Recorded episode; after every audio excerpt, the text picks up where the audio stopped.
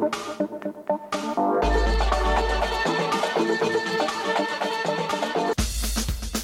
En abril del año 2018 estallaba en Nicaragua una de las mayores olas de protestas en el país en las últimas décadas, que se acabó convirtiendo en una serie de manifestaciones contra el gobierno de Daniel Ortega, que se extendió durante meses. Han pasado cinco años desde entonces y el país continúa sumido en una crisis con una fuerte represión y vulneraciones de derechos sistemáticas. Para conocer mejor qué hizo estallar esta crisis en el año 2018 y, cómo no, cómo ha evolucionado también desde, desde entonces, tenemos hoy aquí con nosotras, al otro lado del teléfono, a Jimmy Gómez Rivera, eh, integrante de la articulación de movimientos sociales de Nicaragua. Bienvenido, Jimmy, ¿qué tal? Bien, muchas gracias.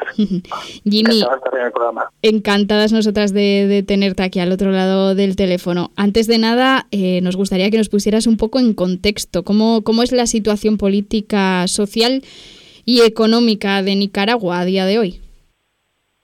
En este momento, a partir del estallido de abril, ya se venía cosiendo ya hace mucho tiempo una crisis económica. Pues esta crisis económica se ha agravado bastante, ¿no? Uno de los símbolos, síntomas de esta crisis es la salida de muchas personas para migrar económicamente. Nicaragua se ha convertido en uno de los países de Centroamérica, con Honduras, Guatemala, que también está sacando mucha población hacia afuera. En la parte política, pues la represión no ha cesado, ha ido cambiando de cara, ¿no? Ya no está haciendo la represión tipo de, de, balas o desapariciones, sino que sigue siendo la, la prisión, la presión, los despidos, la muerte ciudadana, que le quitan todos los derechos, y gente que es desterrada, que está en el exilio. Y por otro lado, las industrias extractivas este, siguen avanzando pues en el país hay mayores concesiones mineras, hay mayores este, zonas francas, eh, mucho trabajo de, de eh, y luego también hay la, situación en el Costa Caribe, en las zonas de los territorios indígenas, eh, la agresión por la colonización de las tierras de parte de hacendados ricos mm, vinculados al negocio del ganado y la forestería y la palma africana avanzan sobre el territorio y empujando a campesinos pobres a invadir tierras indígenas para provocar una, violencia pues y, quedar con las tierras indígenas, que también eso que sigue grabando.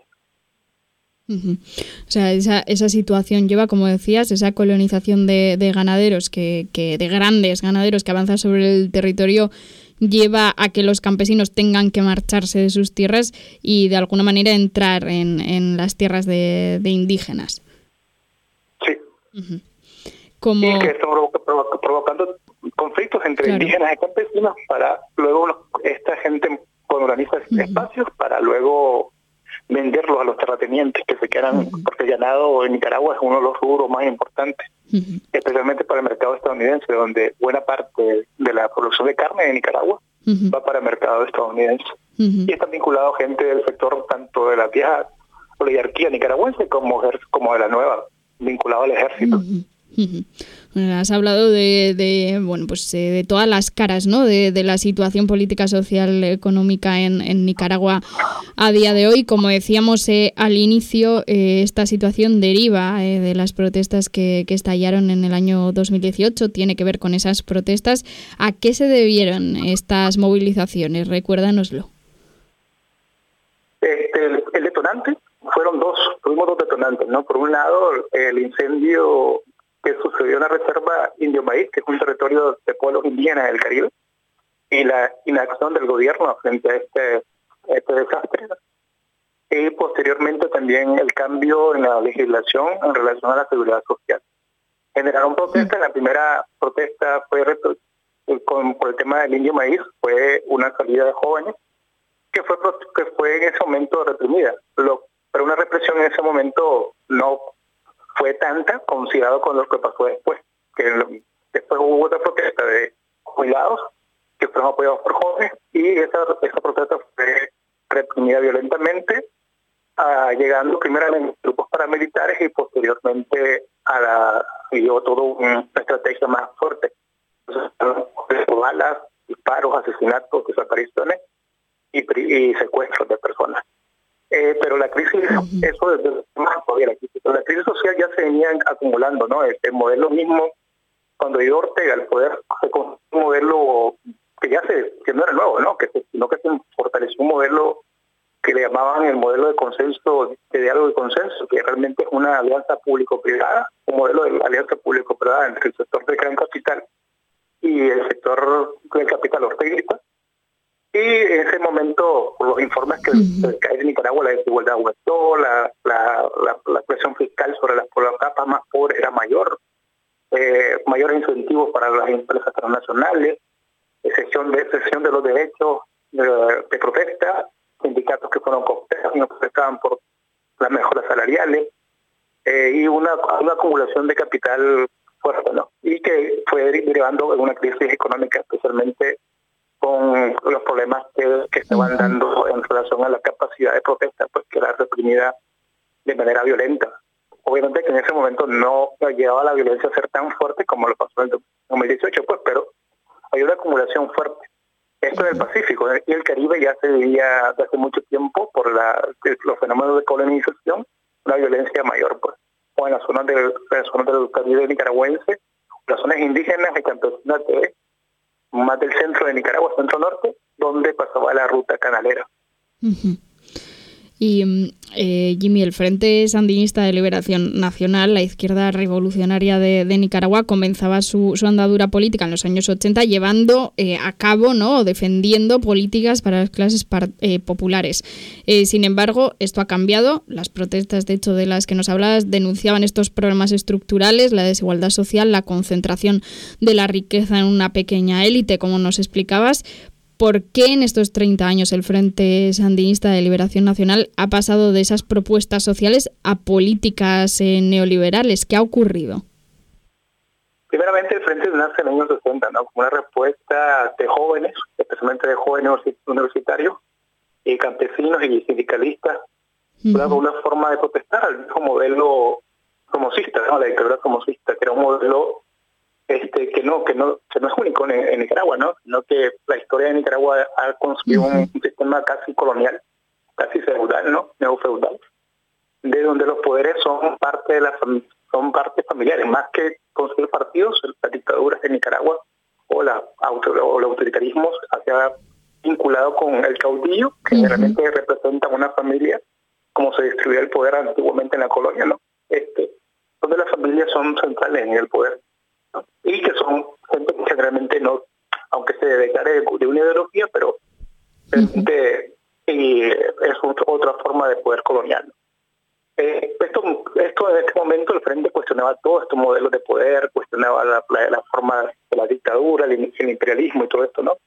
Pero en los años 80, a partir de la guerra y a partir de los 90 especialmente, comenzaron a haber transformaciones bastante estructurales en el Frente Sandinista, ¿no? De una dirección colectiva. El Frente de Sandinista se había fundado bajo la idea de una, una dirección colectiva, donde eran ocho personas de distintas tendencias que construían una, una propuesta política, ¿no? en este caso emancipatoria, pero realmente el poder se fue reduciendo, se fue transformando en una estructura familiar. Pues, como pasa generalmente en, lo que, en los partidos tradicionales, ¿no? Se transformó una estructura que respondía a un aparato familiar.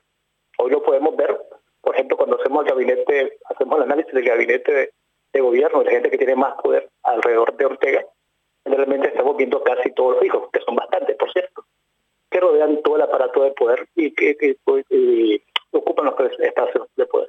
Eso es una transformación importante. ¿no? La otra transformación fue el tema del patrimonialismo. ¿no? Eh, el Estado nicaragüense generalmente en esa concepción colonial del poder el Estado es un botín, ¿no? Igual que pasaba con, la, con, la, con el concepto del poder colonial. Cuando conquistas el Estado, te quedas con el botín, ¿no? La, la, idea, la idea de la conquista. Entonces también esta idea de la conquista, del poder de la conquista, ¿no? que el Estado es un espacio, no, es un, no es un ente público ni común, sino es un ente que cuando ganas las elecciones o ganas por guerra o por las elecciones, pues el aparato estatal es tuyo y puede hacer transformaciones totales. Y ese es el siguiente cambio que hace En vez de construir un Estado nacional pluralista, como se suponía que era parte del programa de la revolución, pues se construyó un Estado que está a servicio de una familia y un grupo de poder determinado. Y a la vez esto se consigue pactando con las familias que ya tradicionalmente ostentaban el poder en Nicaragua. Ese es otro, la, la otro siguiente paso también que hace que el frente vaya cambiando y transformándose es que, por un lado, abandona la idea de la creación de movimiento social, sino a convertirse en un partido más de carácter oportunista y electoral. Y que en vez de buscar el poder para transformar, pues buscar el poder por sí mismo. Y eso hace que parte con gente como Raúl Alemán, un presidente neosomocista corrupto, para garantizarse la repartición del Estado, ¿no? como los dos grupos ganadores de ese momento. Y por otro lado también el pacto con la Iglesia Católica, con la, con la ala más reaccionaria. O en Nicaragua la Iglesia Católica es bastante plural en algunos sentidos, ¿no? Tenemos en Nicaragua hay una parte de la Iglesia Católica que estuvo vinculada con la teología, de la liberación, ¿no? Como Resto Cardenal, algunos teólogos como Margarita, eh, como Vigil, y, también este padre Fernando Cardenal que estuvo vinculada a la alfabetización.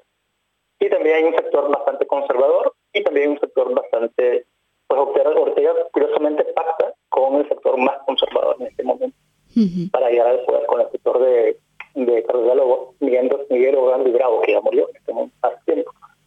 Y también con eso diluye un montón de, de, luchas sociales que en este momento la lucha por el aborto en Nicaragua, a pesar de que el aborto, por ejemplo, en Nicaragua está aprobado desde 1800 y pico, o a finales del siglo, del siglo XIX y XX, Nicaragua ya tenía el derecho al aborto terapéutico, por lo menos, pero eso es abolido por el presidente. Luego toda la lucha porque el Estado se separa de la iglesia, es una lucha larga en Nicaragua el Ortega pues cede da, mucho poder a, a, la de la iglesia, que curiosamente antes eran enemigos, pues, pero en el reparto del poder pues se reparten también estas partes, pero Ortega concede una serie de derechos importantes para la población, especialmente para las mujeres, que hace que también el movimiento feminista sea potente. Otra tercera parte que, que, que, que Ortega consolida es la eh, con la vieja oligarquía tradicional, especialmente con el gran capital, eh, hace, establece un pacto de ganadores, ¿no? O sea, se reconocen como poderosos, como el poder fáctico, ambos, entonces se reconocen poder y pactan un modelo de consenso en el cual se reparten, se repartirá en el Estado, ¿no? Todas esas transformaciones hacen que el frente se aleje absolutamente del modelo. Hay, hay que decir también que, hubo muchos errores en los años 80 y que fueron meses que fueron posibilitando también estas transformaciones, ¿no? No hubo una, no hubo una autocrítica al, tema de la verticalidad, no hubo una autocrítica en una serie de cosas. Lo que estábamos dentro de la izquierda nos faltó mucha autocrítica de todo lo que pasó. Y también eso fue matando también a, la organización como, como proyecto, ¿no? Porque faltó mucha autocrítica, ¿no? Y muchos errores y desviaciones políticas también ya se estaban dando la mera revolución, pero faltó bastante. Dime, ¿qué efectos ha tenido todo este modelo en lo público, ese modelo del que nos hablabas, de modelo de Estado al servicio de, de las grandes familias? ¿Qué efectos ha tenido en, en, lo público, en la seguridad social, la educación, la salud? En la, salud, por ejemplo, y la seguridad social, que son una cuestión que está bastante bien en Nicaragua, se maneja, aunque lo manejan dos instituciones distintas, pero por ejemplo el modelo se del año 90 se privatizó, ¿no? Hubo una privatización, privatización masiva, ¿no? El modelo, siguiendo el modelo de Estados Unidos y Chile, eh, donde terceras empresas llevaban los presos. Eh, una promesa electoral del frente era retroceder eso, ¿no? Más bien se avanzó porque parte, como gente como Tomás Borges, que era comandante de la revolución, tenía también empresas provisionales de salud. Eh, parte de, los antiguos sindicalistas también hicieron parte de esto. Y, y por otro lado, en el, modelo de seguridad social hay mesas tripartitas, ¿no? Sindicatos, empresarios.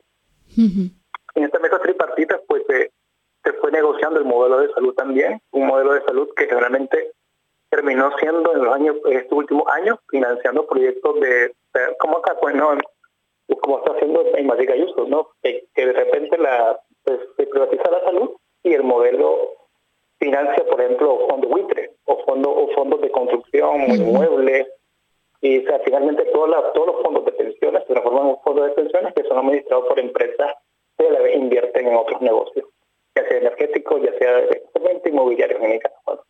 Y eso pues, por un lado. Por otro lado, la, el tema de la la fiscalidad, que es muy importante en un país como Nicaragua, la fiscalidad es súper desigual. En este caso, eso hace que el Estado, mucho del peso recaudativo está en las clases populares y mucha exoneración en las clases. Pues, es, tan, es tan grave ese tema, por ejemplo, de desigualdad fiscal, que el propio Fondo Monetario Internacional en un momento tuvo que decir, oye, párenla, porque están, siendo más ultraliberales que el, propio fondo, ¿no?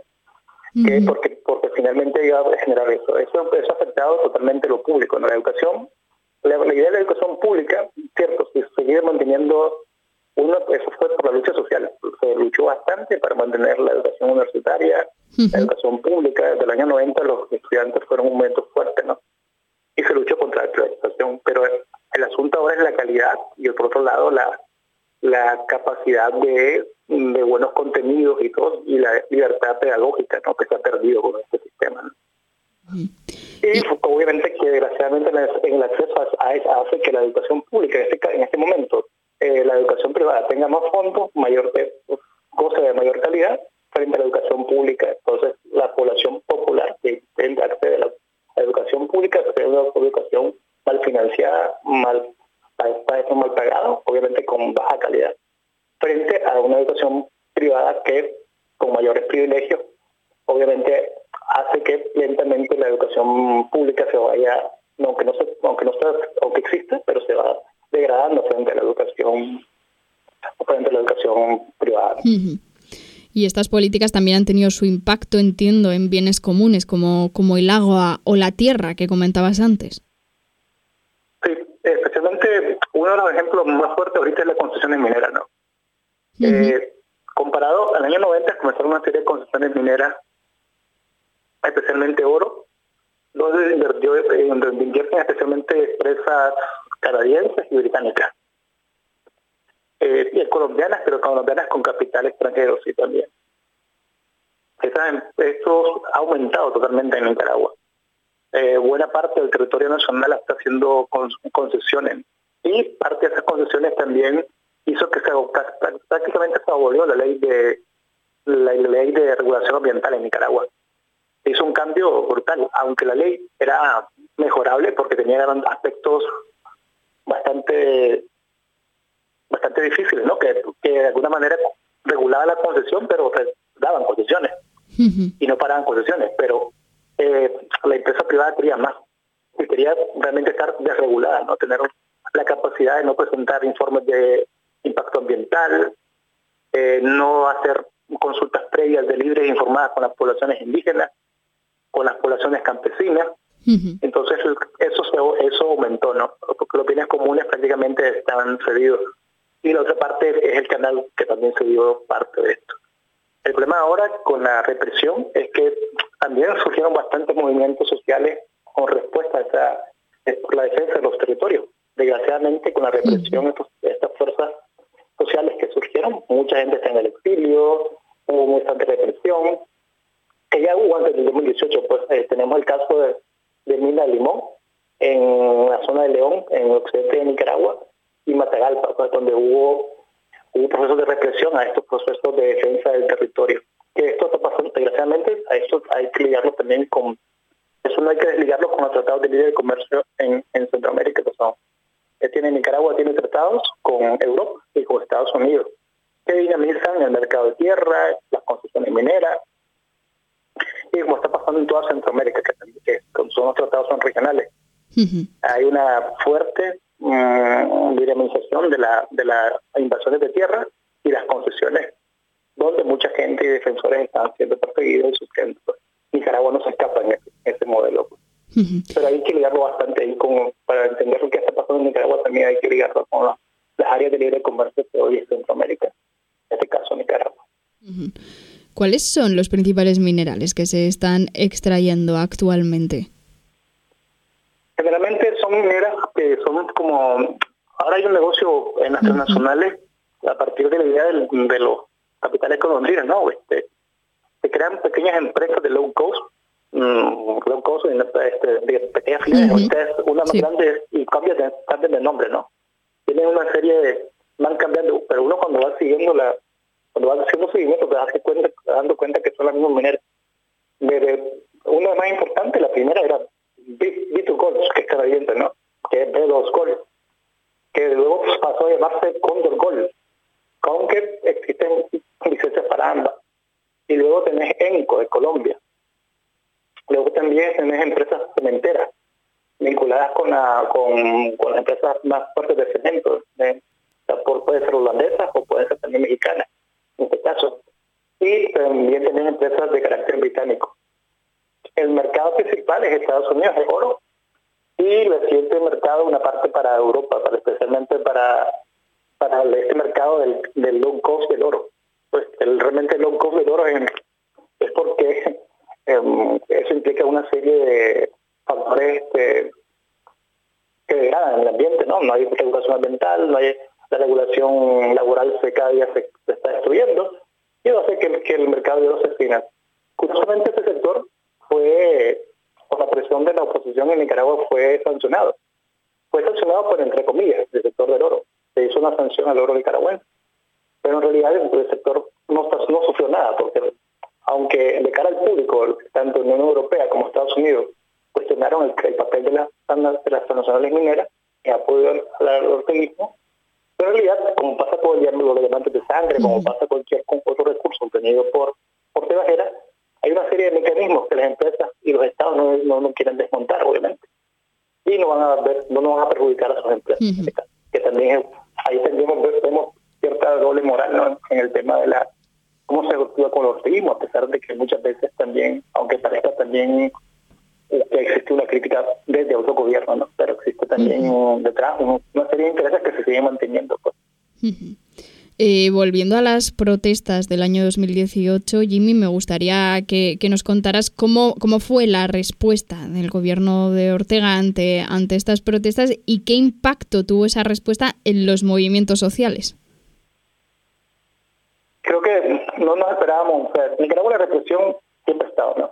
Desde los años 90, era una represión este, policial, de, persecución, de estigmatización pero nunca habíamos llegado al... No pensábamos volver a ver, o sea, en, el imaginario nicaragüense no pensábamos volver a ver que alguien iba a sacar armas a disparar a alguien.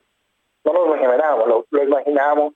La gente que hacía activismo social lo, mira, lo miramos en Honduras, lo miramos en Guatemala, y cada vez que comparábamos con las compañeras y compañeros de, de otros países, decíamos, puta, estamos aquí por lo menos, hacen esta consuelo de tonto, ¿no? Pero aquí por lo menos todavía, todavía solo nos pegan, ¿no?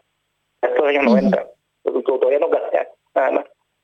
Pero que había toda una respuesta social y era como, era indignante que pasara eso. Había la, población civil o la población que no estaba vinculada en protesta también cuestionaba el, grado de represión. O sea, era como algo que, las autoridades tenían que medirse para hacerlo. O sea, era como, pero a partir de los, el frente, de hecho, en la primera forma de, de hacer su represión, el frente no utilizaba policías, sino utilizaba este, que fuera entre civiles, lanzaba sus fuerzas de choque civiles y la policía solo se quedaba viendo, ¿no?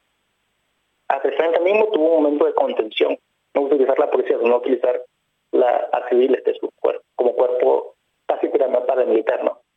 Pero luego, luego pasamos a un momento en que la policía, como pasa en Guatemala, como pasa en Honduras, comenzó a observar, ya a sacar en el 18, el 18 de abril, además de armar a la gente, a los grupos de choque, de pasar de pasar de palo a tener fusiles, pistolas y a la policía a disparar, es que cambia, o sea, es algo que no, no, no creíamos que iba a suceder, no quedamos a, los que yo soy del lado de León, que estoy viviendo, nunca, nunca vimos la posibilidad de ver un edificio quemado o ver paramilitares casi subidos en camionetas eh, atacando poblaciones.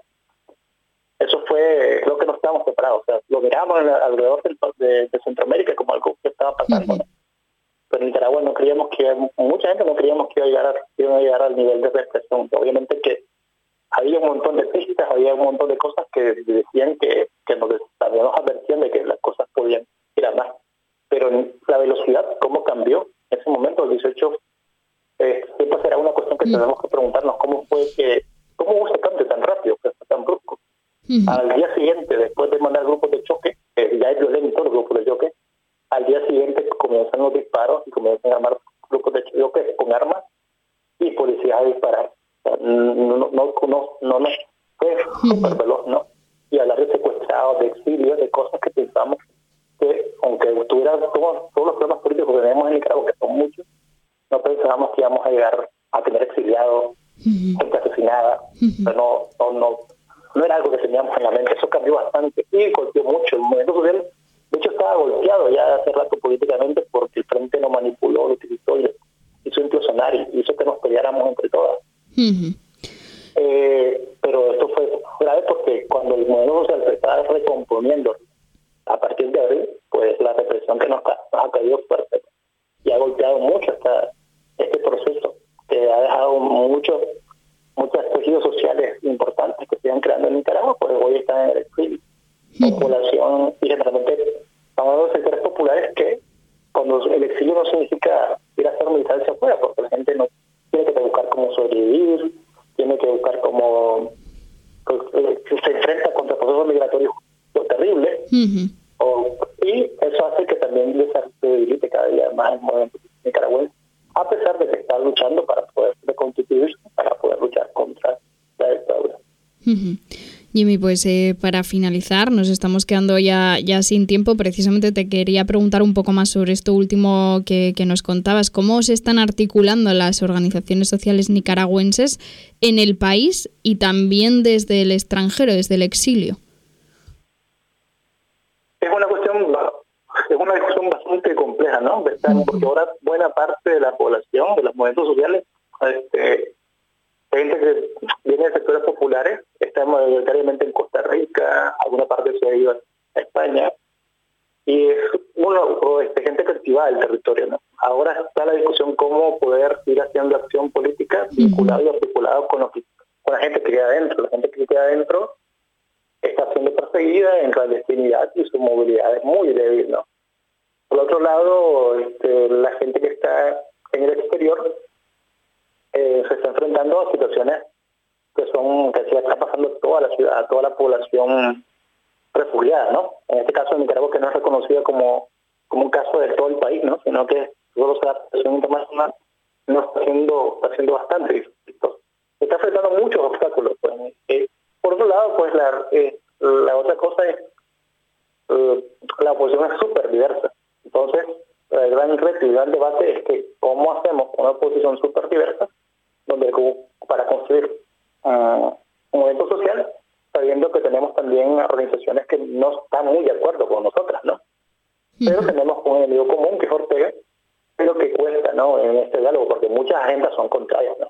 Y eso es un debate que también ha perjudicado, que, que, por un lado los movimientos sociales seguimos defendiendo una, eh, los derechos feministas, ecológicas, sociales, de justicia social, y lo seguimos manteniendo y creo que es una nuestro nuestro trabajo jefe pero también tenemos de frente a una una demanda popular que es también poder articular con otros sectores que no nos que no, nos gustan pero para poder sacar al orteguismo no y esos dilemas están dentro. Cómo nos posicionamos cómo nos movemos cómo sobrevivimos y adaptamos. Frente a un régimen que es bastante ha sido bastante efectivo en la represión o sea que uno, uno de los retos no sería unir eh, los movimientos sociales, articularlos y articularse junto a otros actores también de la política para ir en contra de, del gobierno de Ortega. Ese sería un poco el mayor reto. Sí, el mayor reto. Por otro lado, es poder que las agendas sociales se mantengan, ¿no? La gran lucha, porque vemos algo, ¿no? También cuando, cuando Nicaragua, frente a la comunidad internacional, Obviamente tenemos la comunidad que tenemos, ¿no? Con bastante doble moral, con doble raseros, en relación a un montón de temas. Y para la comunidad internacional muchas gente también no son muy no agradables, especialmente todas estas que cuestionan el modelo de desarrollo en Centroamérica y en Nicaragua. Y, obviamente que es también luchar para, para, poder dar por sentado que esta crisis no, no solo es por Ortega, no es por la cultura política y historia de Nicaragua, sino que también tiene que ver con el modelo. Y eso es también una disputa bastante fuerte. Una disputa que desgraciadamente nosotros estamos peleando contra la derecha, ¿no? porque contra la derecha se oculta que Nicaragua es un modelo fallido del, propio sistema, ¿no? El modelo neoliberal en Centroamérica.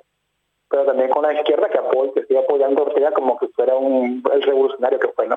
Entonces, la disputa por, por decir, por desnudar a Ortega, por desnudar el sistema y el modelo, es también una, una de las cosas más también vitales que estamos fuera ¿no? para poder para poder entender y poder dotar también al, modelo que tenemos en Nicaragua. Pues Jimmy Gómez, integrante de la Articulación de Movimientos Sociales de Nicaragua, muchísimas gracias por estar aquí con nosotras y nos quedamos con, con esto último que nos has contado. Es que ricasco.